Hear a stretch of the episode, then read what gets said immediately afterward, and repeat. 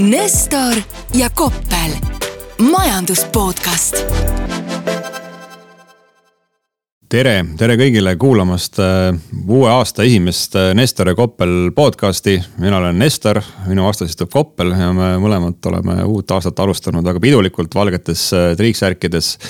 ja plaanime rääkida täna sellest, et mida siis võiks oodata aastalt kaks tuhat kakskümmend kolm, et ma ei tea, kas me numbriliste prognoosideni ka jõuame, aga aga mis meie, ütleme siis kõhutunne ütleb, et mida võiks oodata nii maailma majanduses, finantsturgudel kui Eesti majanduses. ja tere tõepoolest ja lisaks sellele, et meil on täna valged, valged särgid, me ilmselt mõlemad ka lõhname hästi, aga seda paraku teie tunda ei saa. nii et lähme majanduse juurde. no alustades võib-olla sellest nagu maailma majandusest, et siis äh, kui lugeda siin äh, rahvusvahelist äh, finantsajakirjandust, siis oleks nagu justkui põhjust muret tunda, et IMF meil siin alles hiljuti hoiatas, on ju, et kolmandik maailma majandusest läheb see aasta langusesse ja Euroopa majandusest lausa pool ja üldse noh, et tundub natuke olevat nagu see võistlus, et äh, kes suudab nagu halvemini öelda, et mis siis sellel aastal juhtuma hakkab, mis mind vana sellist paadunud optimisti muidugi muudab selliseks kiuslikuks ja tahaks nagu seda enam nagu optimistlik olla, et äh, teised on pessimistid. no mina paadunud küünikuna jälle mm, mõtlen alati sellele rahvusvahelisele finantsmeediale ja, ja siis ka nendele institutsioonidele, kes võtavad murelikult näppu, vibutavad, et neil ei kipu eriti tihti õigus olema. kui me mõtleme nüüd selliseid finantsinstitutsioonide poolt antavaid prognoose prognoose või analüüse või äh, narratiive või mis see popp sõna on. siis see narratiiv kipub olema umbes selline, et esimene poolaasta on natukene õnnetum sellepärast et majandus langeb ja intressid tõusevad, aga teine poolaasta, teine vaadake, teine poolaasta, siis läheb juba paremini. sellepärast, et siis intressid enam ei tõuse ja kõik, kes on intressitõusu poolt ära ehmatatud, võtavad, roomavad mätta alt välja ja hakkavad tarbima, investeerima ja kõva, kõva, kõvasti plaksutama, et kõik on jälle hästi no vot, ma olen nagu sedasama narratiivi lugenud ja, ja ma muidu olen sihuke nagu, mina olen see peavoolumeedia tarbija ja usun, usun peavoolu, et äh, tead, et äh, ei taha nagu eksida sealt väljaspoole vähemalt, et sa nõustud, et olin loll koos kõigi teistega, mitte nagu üks eraldi, on ju et noh, selle, aga selle narratiivi juures mind üks asi, mis mind nagu häirima on jäänud, on võib-olla see, et jah, et seal teisel poolaastal justkui, et siis nagu see tarbija tuleb ka kuskilt kivi alt välja ja hakkab nagu kõvasti nagu kulutama et no selles osas ma olen natuke ettevaatlikum, aga investeeringute koha pealt ma, mul on nagu selline teatav optimism, et tegelikult maailmast nagu raha ei ole ju otsa saanud. ja, ja mulle täna nagu tundub, et äh, igal pool võetakse nagu maru rahulikult, et äh, segased ajad majanduses, vaatame, mis nagu tulevik tooma hakkab aga kui ühel hetkel nagu siis tõepoolest on ju, et noh, sellesse vist usume mõlemad, et intressimäärad meil siin nagu aasta esimeses pooles saavad nagu tõstetud ja nad jõuavad mingisugusele tasemele, kus nad ka esialgu nagu jäävad et kui need sündmused on nagu otsa saanud ja tundub, et on ju katastroofi maailmas järgnenud, äh, miski kokku ei kukkunud.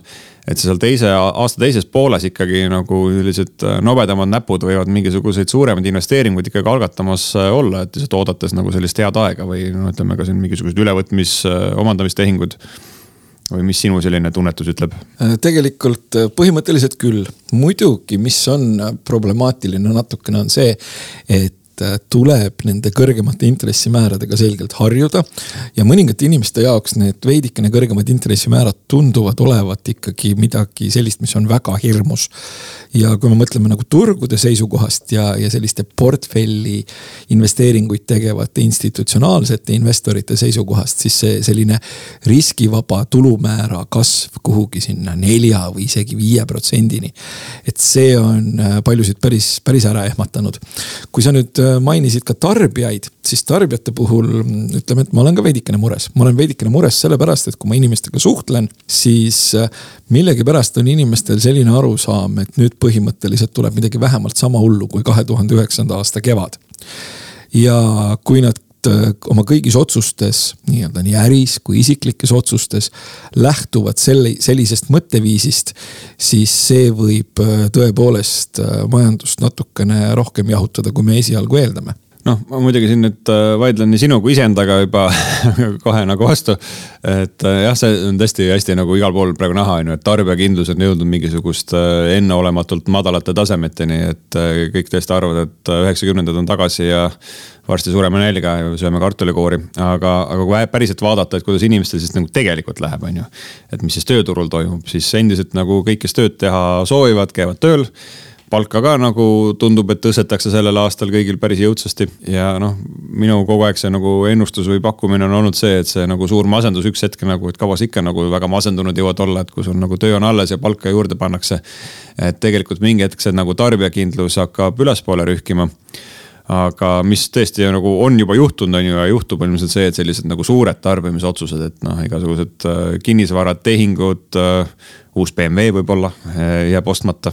et, et, et see pool nagu võib siin mõni aeg viibida aga kui jällegi see peavoolul on õigus ja usutakse, et see tööturu situatsioon meil ikkagi nagu väga karmilt kätte ei läära ei lähe nagu mitte kusagil, eriti maailmas. et noh, siis ühel hetkel ju kui raha on alles, töö on alles, et siis ju, siis võiks ka tarbimine järgi tulla tõepoolest ja no mis puudutab kinnisvara, siis äh, siin jällegi annab endast päris ilusti tunda see raha hinna ja raha kättesaadavuse teema, sellepärast et. kui nüüd jällegi tarbida peavoolumeediat, siis ju seal ka mainitakse, et äh, ei taheta seda eluasemelaenu enam nii palju äh, teps mitte võtta. ja on. tulge olnud..., võtke ikka, võtke ikka, meil on Peetriga ka vaja tööd ja, ja palka teenida ja teine asi on ka see, et, et kui nüüd mõelda seda, et mis siis hinnad teinud on, et kui alati eriti nii-öelda siis, kui asi hakkab hapuks minema, siis kuskilt tulevad välja äh, ilusate läikivate ülikondadega kinnisvarainimesed, kes ütlevad, et kvaliteet kinnisvara ei lange. siis noh, võib-olla tõesti kvaliteet kinnisvara ei ole veel langenud, aga ma olen aru saanud, et vähemalt mägedel on hinnad juba kenasti alla tulnud ja mäed Tallinnas, kallid sõbrad, on ettevaatav indikaator kinnisvaraturu osas. sinna me, sinna me veel jõuame, aga kui nagu tulla tagasi selle globaalsete teemade juurde, et siis noh, üks selline teema, kus me oleme nagu siin omavahel nagu natuke ragistanud ja kahjuks äh, mitte minu kasuks on inflatsioon. et äh, no ma, ma nüüd jätkuvalt siis nagu püüan oma optimistlikku joont jätkata, et ühel hetkel inflatsioon ikkagi saab otsa ja rahuneb ja ka globaalselt, et see praegune hinnatõus peatub, et äh, palun vaidle ma otseselt ei tahagi sellega vaielda, sellepärast et kui ma nüüd vaatan seda, et mida kõik sellised toredad näitajad, mis inflatsiooni mm, kipuvad ennustama, mm, et mida need viimasel ajal teinud on, siis need on kohati ikkagi tulnud päris järsult alla, et noh, kui me vaatame maagaasi hinda. siis äh, loomulikult on see kõvasti kõrgem kui enne seda, kui üks väike vastik diktaator hakkas äh, moogeldama, loomulikult Euroopas on see oluliselt kõrgem, aga tipust on ta ikkagi tulnud alla märkimisväärselt. siis, mis on veel alla tulnud, on äh, transpordihinnad ehk siis vahepeal, kui inflatsioon korralikult äh, rullis, siis äh, laevatranspordi hinnad, konteinertranspordi hinnad olid äh, no, suhteliselt absurdsetes kohtades. Need on selgelt normaliseerunud. toidu toormete hinnad on kohati tulnud juba nii-öelda märkimisväärselt alla. ehk siis mingisuguses osas võib tõesti öelda, et see inflatsioon hakkab, hakkab järele andma aga kuna noh, nüüd kui me mõtleme sellist maailma majanduse võib-olla ikkagi olulisemat mängurit nagu Ühendriigid, siis Ühendriikides kipub olema nii, et tööturg on ikkagi nagu suhteliselt kuum, mis siis tähendab seda, et ütleme sellises teenussektoris ja, ja selline palgainflatsiooni teema, et see ei ole eriti järele andnud. ja, ja, ja kuigi ma arvan ka, et noh, et inflatsioon tuleb alla, siis mingisugune selline keskpanga soov, et ta võiks tulla alla kuhugi kahe protsendi juurde ühel hetkel. no see nüüd küll sellel aastal ei täitu. no sellel aastal on seda väga raske nagu jah saavutada, sest et sul oli juba eelmisel aastal oli inflatsioon aastasisene nagu nii suur, et noh, siin Eesti näitel on ju võtta seda Euroopas on natuke teine number, aga et kui nagu hinnad jääks siis tänasele tasemele, meil tuleks ka nihuke praktiliselt kuus protsenti inflatsiooni on ju, aga et eks nad ikka natukene võivad siin esialgu kasvada ka, aga, aga noh, see et tore, et me nõustume nüüd inflatsiooni osas, et see rahuneb, et kas me siis ka nõustume selles osas, et intressimäärad siis tõstetakse siin veebruarikuuses ära ja, ja nii jääbki või? no siin on, ütleme selline arusaam tegelikult turgudel nii Euroopas kui äh, Ühendriikides, et see tõstmine, tõstmise tsükkel võiks kesta kuskil juunini ja huvitav on see, et, et vähemalt Ühendriikide puhul äh, nähakse seda, et võib-olla isegi sellel aastal toimub ka mingisugune langetamine suisa. ja mul ka paistis kuskilt graafiku pealt see silma jah. ja see oli selline päris, äh, päris huvitav kausike on joonist-, joonistunud. ehk siis juunis tipp ja edaspidi juba võib-olla alla. teema, mida me kunagi siin arutasime, et kõik ootavad ikkagi pivotit, et nagu tuleks ometi see pivot ja siis kõik elu läheks tagasi nagu heaks jah, aga noh, selles mõttes, et kui me siin äh, tipneme võib-olla Ühendriikides veidikene üle viie ja siis meil ühel hetkel. see on palju, no nii no, ei tule üle viie ikka ei tule.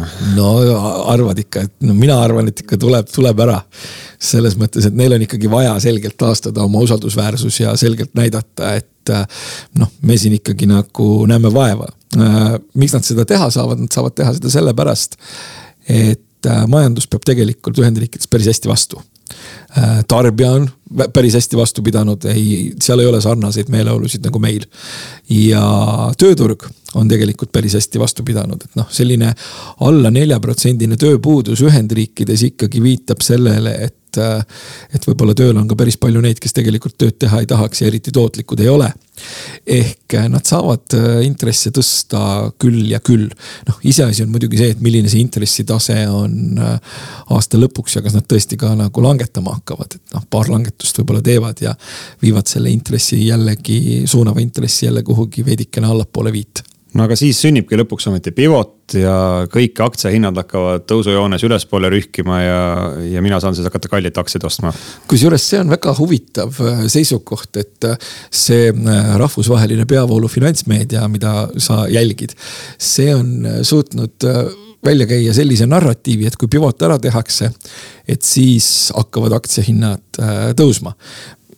just nagu oleks ära unustatud selline õpiku teadmine, et aktsiahinnad üldiselt üritavad tsüklit ette arvata kuus kuni üheksa kuud.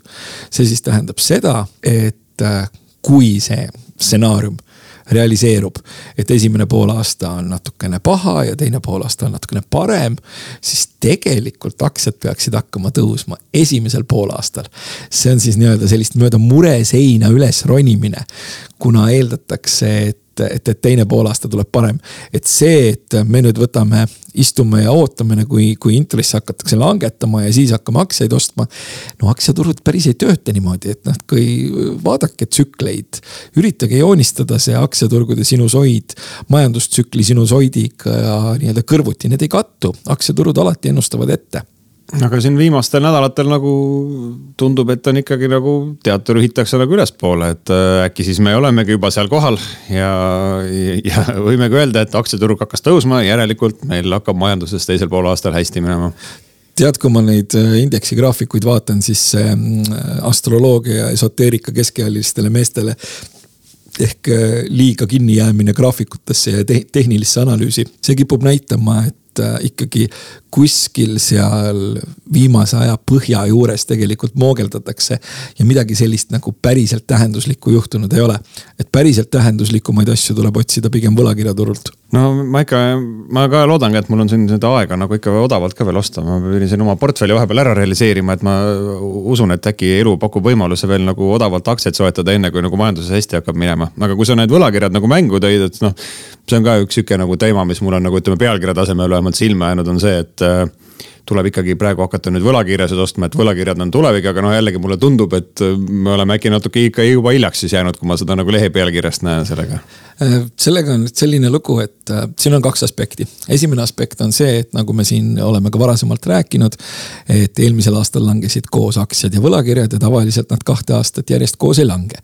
see tähendab seda, et on selline väga huvitav fifty-sixty võimalus valida mm, nii-öelda varaklassi, et millega, millega üritada teenida et see on üks aspekt, aga teine aspekt on see, et äh, võlakirjainvestorid, kes olid võib-olla turult äh, eemal. Äh, nad üldiselt kipuvad. Nad on ära surnud juba, nad on pole aastaid mitte midagi teha olnud võlakirjaturul no,. no ikkagi on teha olnud, sellepärast et kui sa ostsid võlakirju ja intressid läksid kogu aeg alla, no siis sa ju teenisid ja teenisid äh, kohati päris kenasti nii-öelda riskiga korrigeeritult. Äh, no see oli, see oli kõrgem pilotaaž, ütleme selline tore saksa pensionär, kes ostis võlakirjasid, tema enam ei ole sellega võib-olla pikka aega tegelenud. jah, tõepoolest, aga kui mõtled institutsionaalseid investoreid, siis institutsionaalsetel investoritel on kätte jõudnud selline hetk, et neil võib-olla nagu selline tore spekuleerimine nii-öelda kapitalikasu teenimiseks. et nad sellele ei mõtlegi nii palju, nad mõtlevad sellele, et ostan võlakirja, teenin selle pealt äh, nii-öelda seda tootlust, mida see võlakiri mulle vastavalt turul annab ja sellega olengi rahul. ja kui need numbrid lähevad sinna neljani ja lähevad viieni ja lähevad kuueni ja lähevad võib-olla noh, siin meil kohalikul võlakirjaturul. Äh, noh, noh julgelt on kuskil neli, neli nii-öelda protsendipunkti otsa tulnud võrreldes eelmise aasta algusega või võib-olla isegi rohkem. et kui need lähevad sinna, siis ainuüksi see tootlus või äh, vabandage mind, kui ma kasutan ingliskeelset väljendit yield.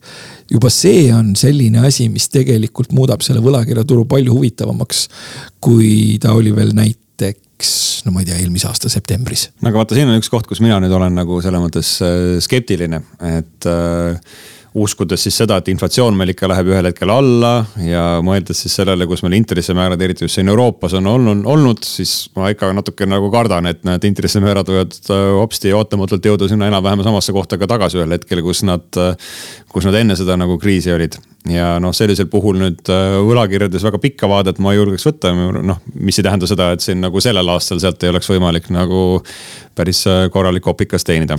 no ma ütlen, kui sa vaatad sedasama tagurpidi kaussi, äh, mis siis peaks kehtima vähemalt Ühendriikide kontekstis ja võib-olla ka natuke rohkem globaalses kontekstis. et sa võib-olla ostad võlakirja selleks, et teenida selle pealt seda siis nii-öelda võib-olla rahavoogu või seda, seda intressi, mida võlakiri maksab aga siis sa ühel hetkel ju vaatad, et intressid hakkavad jälle võib-olla natukene allapoole minema. noh, see praegune joon tegelikult viitab sellele, et võlakirjad võiksid olla täitsa, täitsa põnevad.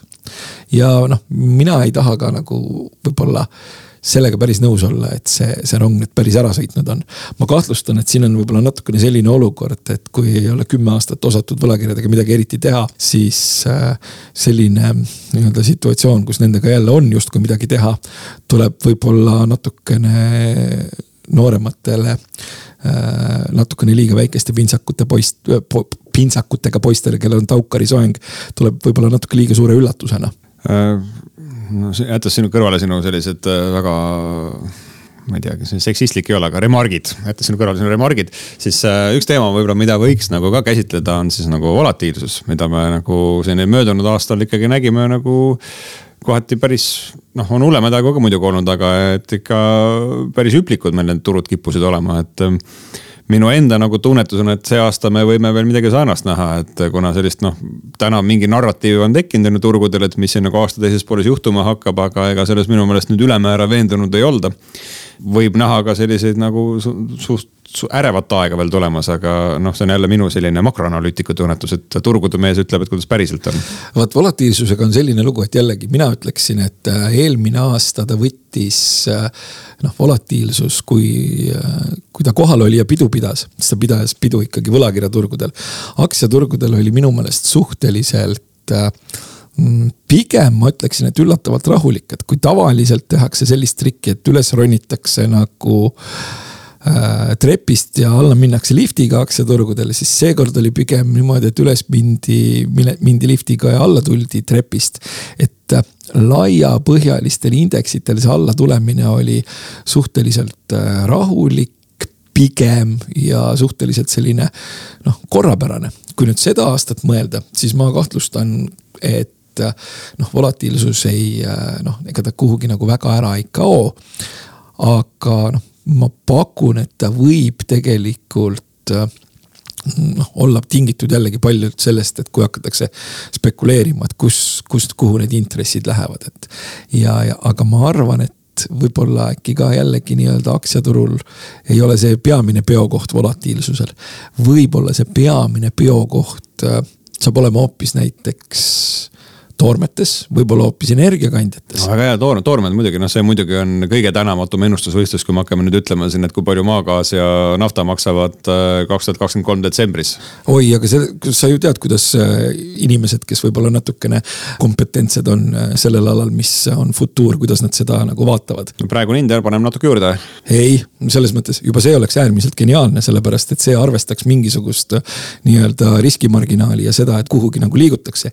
ei kui inimene mm, nii-öelda, kes peab tabelisse kirja panema, mis näiteks maagaas või nafta maksab aasta pärast. siis ta võtab äh, selle futuuri hinna, aastase futuuri hinna ja ütleb aasta pärast maksab nafta nii palju. ja ausõna, ta ei saa sellest aru, et ei nafta ei maksa siis nii palju, vaid kui sa täna ostad selleks ajaks naftat, mis sulle siis kohale tuuakse, siis ta maksab nii palju. aga see on päris äh, levinud, ma olen seda kuulnud äh, raadios, ma olen seda näinud televiisoris suurusjärguga ma arvan ikkagi jäetakse enam-vähem samasse kohta. suurusjärguga jäetakse küll, aga no selles mõttes, et nafta hinnal minu meelest on ikkagi suhteliselt suur vahe, kas on kuuskümmend või kaheksakümmend viis. nii et äh, ja selliseid apse on, on tehtud, aga ma just selle nafta kontekstis mõtlen sellele, et äh, seal võib olla igasuguseid päris huvitavaid liikumisi lihtsalt sellepärast, et äh, üks asi on see, millest me ka siin rääkinud oleme, et tegelikult kui veidikene pikemat perspektiivi vaadata, siis turg on sellises struktuurses defitsiidis. aga lühiajaliselt noh äh, praegu on nafta hind tulnud alla, nõudlust nagu nii palju ei ole. Äh, võib-olla selline nii-öelda asenduskauba äh, funktsioon gaasi osas on ka veidikene ära ka, kadunud. ja nüüd siis sõltub sellest, et kuidas läheb hiinlastel, et kuidas hiinlased võtavad. vaata ongi minu arust nagu see põnev on nagu teooria on selle juures see, et et äh, kõrge hind ja madal nafta hind, et see sõltub sellest, kuidas meil hakkab maailmamajandusel minema. kui maailmamajandusel läheb hästi, järelikult nafta hind läheb ülesse, see on jällegi maailmamajanduse jaoks paha, et sihuke nagu iseendale jalga tulistamine siis läbi selle, et läks liiga hästi ja nüüd läheb jälle sellepärast halvasti, et nafta hind läks ülesse või nagu see tasakaalu otsimine, et kogu see lugu saab nagu põnev olema. see saab põnev olema ja sellepärast ma arvangi, et see on see koht, kus see volatiilsuspidu võib äh, sellel aastal äh, nagu natukene suurem olla. aga mis puudutab, ütleme sellist kõr kõrget nafta hinda, siis äh, noh, loomulikult ma olen täiesti nõus, et kui nafta hind läheb nii-öelda palju ülesse ja väga kiiresti, et see on kõigile, kõigile, praktiliselt kõigile väga valus. aga üldiselt mina mäletan ka väga selgelt aega kui täiesti tõsiselt räägiti, et kui nafta hind läheb üle kolmekümne dollari barrelit, siis maailma majandus kukub kokku no kas on maailma majandus on kokku kukkunud äh, ka noh. ma mäletan saja kolmekümnega ka nagu oli täitsa okei okay., tulime toime ots otsaga. et otseselt nagu kõige hullem ei, ei olnudki ja kui nüüd hakata nagu mõtlema sellele, et. et noh, kaks tuhat, mis oli seitse-kaheksa, kui meil seal mingisugune saja neljakümnene hind oli, on ju. no okei okay,, oli ülekuumenenud majandus küll ja oli problemaatiline ja kõik, aga kui nüüd hakkad seda inflatsiooniga korrigeerima, on ju siis noh, me jäime ju tegelikult ellu. ja kui me hakkame inflatsiooniga seda kõike korrigeerima, siis tegelikult, mis see hind võiks olla kuskil seal kahesaja all, et. Äh, nafta läheb kogu aeg odavamaks noh, põhimõtteliselt. Bottom line. Bottom line põhimõtteliselt võiks olla see jah nii, aga no ütleme, et kui meil juba see energia esoteerika hakkas, et siis nagu võiks veel vinti juurde keerata ja hakata rääkima ka nagu Eesti majandusest, mille ennustamine on ikka noh, tõeline kunst ja ütleme, mõõtmine on juba tõeline kunst ja, ja noh, kui ma siin oma nagu soologa alustaks, siis ega pagan, mina ka ei tea, mis siin saama hakkab. et äh, selle poolest tuleb nagu põnev aasta, et noh, jällegi, et kui vaadata seda, on ju, nii-öelda, mis meil on siis nagu maailma kohta siin see visandatud selline see suur pilt, kus meil aasta teises pooles hakkab kõik paremaks minema.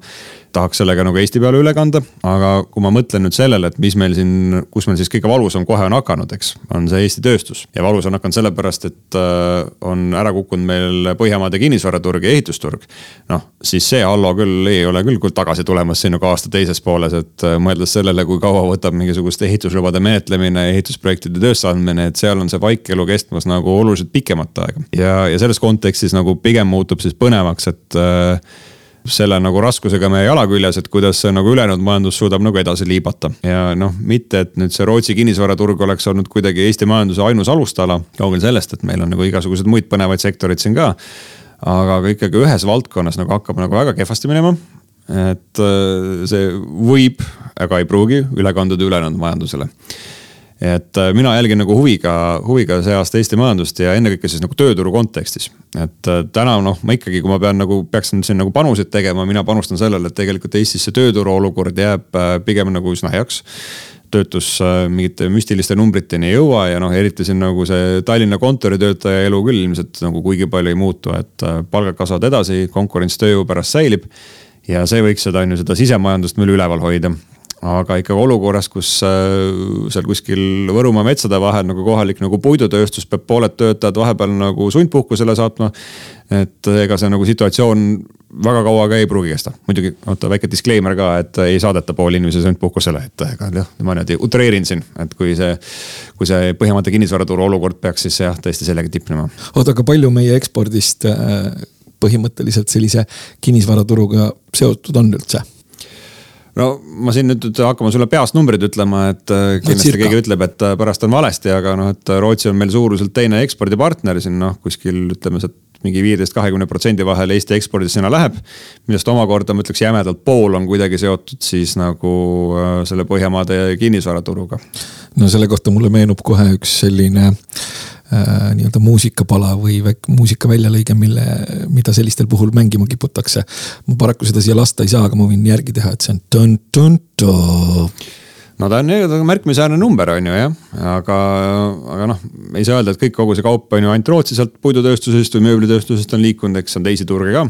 aga, aga mulle tundub, et ega see noh, ma nagu tunnen ennast nagu mingi rikki läinud majandusministeeriumi arengukava, kui ma seda juttu räägin, aga et see Eesti tööstuse nagu hankemajandusest sõltumine on ju, et pakkuda seal kuskil, konkureerida teiste nagu mingisuguste välismaiste tootjatega hinnapõhiselt seal kuskil välisturgudel et äh, no see on üks nigel töö ja kui sul majandusel läheb hästi, on ju, turud kasvavad, et siis on päris vahva, aga ütleme langeva turu kontekstis nagu hakata seda kõige madalamat hinda pakkuma, et see on üsna valus tegevus. ja noh, no pagan ei tule mingit erilist muutust sellesse sektorisse, et äh, tundubki, et nagu sureb enne ära, kui nagu muutub, eks no aga tegelikult, kui me nüüd nagu ausalt äh vaatame, siis meil on ju ikkagi hästi läinud, me oleme kogu aeg väärtusahelas äh, kõrgemale liikunud. ja nüüd äh, miks peaks olema nii, et me nüüd ka selle potsen-, potentsiaalse šoki kontekstis ei liigu väärtusahelas kõrgemale? no selles töötleva tööstuse valdkonnas ma ei oska nagu öelda, et me oleme seal nagu efektiivsemaks muutunud kindlasti on ju ja on sealt ka midagi sihukest äh, noh, vähem tootlikku ära kadunud aja jooksul, aga noh, mulle tundub, et see protsess on ikkagi nagu poole peal alles, et et läheb veel aega, aga noh, mis on nagu positiivne, on see, et ma usun, et noh, selles nagu praeguses nagu madalseisus nüüd päriselt siuksed nagu suured tugevad ettevõtted küll meil ära ei kao. et tõepoolest, et noh, meil on olnud siin aastad, kus on olnud väga kõrge konjunktuur, nad on inimesi juurde värvanud, teinud seal mingeid suuri investeeringuid. Et noh, nüüd läheb natuke raskemaks, tuleb võib-olla mõned inimesed nagu lahti lasta, ajutiselt vähemalt ja, aga noh, ettevõte jääb ellu, on ju, ja elu läheb edasi, on ju, et tullakse tagasi sinna turule, et noh, ma nii hulluks seda situatsiooni muidugi ei pea, et siin nagu päriselt mingi sektor nüüd ära kaduma hakkab päris selle, selle tänase nagu madalseisu tõttu. aga jah, see tööturu situatsioon, ma arvan, on see kõige rohkem, mis määrab selle ära, et kas me see aasta näeme siis nagu majanduskasvu või majanduslangust, et äh, mina olen oma prognoosides siin ikkagi uskunud seda, et isegi siin nagu reaalväärtuses meil tuleb sihuke pisikene, pisikene plussikene ja ennekõike tänu sellele, et siis äh, Statistikaamet leidis, et meil siin näiteks kolmandas kvartalis oli siin tugevalt üle kahe protsendine majanduslangus, mida võib-olla mina ise nii väga ei usu aga ühesõnaga, mida madalam võrdlusbaas, seda parema numbri me nagu see aasta lõpuks kokku saame. oota, on sul meeles ka, mida Eesti Pank pakkus äh, selleks aastaks? Kui ma nüüd peast ütlen, et äkki neil oli ka kuskil seal poole protsendi kandis midagi või, et äh, ikka ka nagu, et äh, usutakse, et on nagu pluss, aga noh, ma ütlen, et see riskistsenaariumid on siin nagu korralikud, et, äh, et me päriselt ei pruugi sinna muidugi jõuda. no see on muidugi jah, päris huvitav, kui hakata poole protsendi kaupa majanduskasvu äh, prognoosima, aga noh, seda ütlen äh, mina, kelle meelest üldiselt kõik liikumised on natukene suuremad, kui neid prognoosima kiputakse. aga noh, ütleme, see nagu selline oluline nagu küsimärk on nüüd see, et äh, kui me vaatame Eestit kuskilt, ütleme siin kuskil läbi skandinaavlase prillide, siis kõik arvavad, et noh, kui seal läheb halvasti, siis siin läheb veel hullemini, on ju noh, tegelikult või ütleme siin keskmise eurooplase pilgu läbi ja, aga noh, koroonakriisis nagu läks, näed vastupidi, et meil tegelikult läks üsna kenasti, eurooplastele palju halvemini. et noh, et kas see sama muster kordub või ikkagi me saame selle nagu teiste kriisi mingisuguse võimendusega Eestisse ja noh, ütleme, et milline vaatenurk siit võtta, et sellest nagu suuresti sõltub ka see Eesti majanduse languse või kasvu number. no samas ma muidugi arvan seda, et kui ma mõtlen mingisugustele sellistele Eesti äriliidritele, kellel võib-olla natukene on ka halli peas, et. kui nad on üle suutnud elada kahe tuhande kaheksanda, kahe tuhande üheksanda ja kui nad on üle suutnud elada nii-öelda sellise esimese koroona ehmatuse. siis võib-olla selline paarikümne, võib-olla isegi kahekümne viie või kolmekümne protsendine käibelangus ei lõpeta veel nende püha üritust. oi loomulikult jah, ja noh, ma ütlengi, et kui ma pean nüüd siin vaatan, et meil kellakene hakkab ka nagu lõpupoole tiksuma, et looma siis mingisuguse suure narratiivi, et milline saab olema elu Eesti majanduses aastal kaks tuhat kakskümmend kolm siis äh, ma ütlen, et tegemist saab olema sellise võib-olla korrektuuri aastaga, et äh, tõmmatakse kuskil valdkondas natuke hinge ei palgata uusi töötajaid juurde, noh, ütleme tööstussektoris võib-olla tuleb natukene töötajate arvu vähendada. noh, palka peab äh, pagan ikka edasi tõstma, et äh, muidu tuli, tuleb hirm, et ikkagi siin nagu paremad töötajad, konkurent äh, napsab ära, pluss käiakse kurtmas, et inflatsioon on kõrge ja küttehinnad on suured, et palkasid peab tõstma ja no juhtubki see, mis tegelikult ka eelmisel aastal nägime, et äh, hoolimata siis sellest, et meil oli siin skp miinusmärgiga siin mitmes kvartalis, siis tegelikult nominaalselt kõik kasvab edasi, et käibed kasvavad, palgad kasvavad. aga nad noh, analüütikul need jääb üle tõdeda, et eriti midagi ei juhtunud. ja turgude kontekstis mina mainin seda, et mm, vaadake järgi, mida tähendab oma olemuselt kuuskümmend, nelikümmend portfell mis tegelikult päris tükk aega ja eriti eelmisel aastal ei toiminud siis teoreetiliselt eksisteerib minu jaoks tänasel päeval suhteliselt tõenäos-, suur tõenäosus, et selline portfell edaspidi ja võib-olla alates sellest aastast võiks jälle toimida. aga tõmbame otsad kokku, mina olen Koppel ja minuga koos oli Nestor ja varsti jälle. Nestor ja Koppel, majandus podcast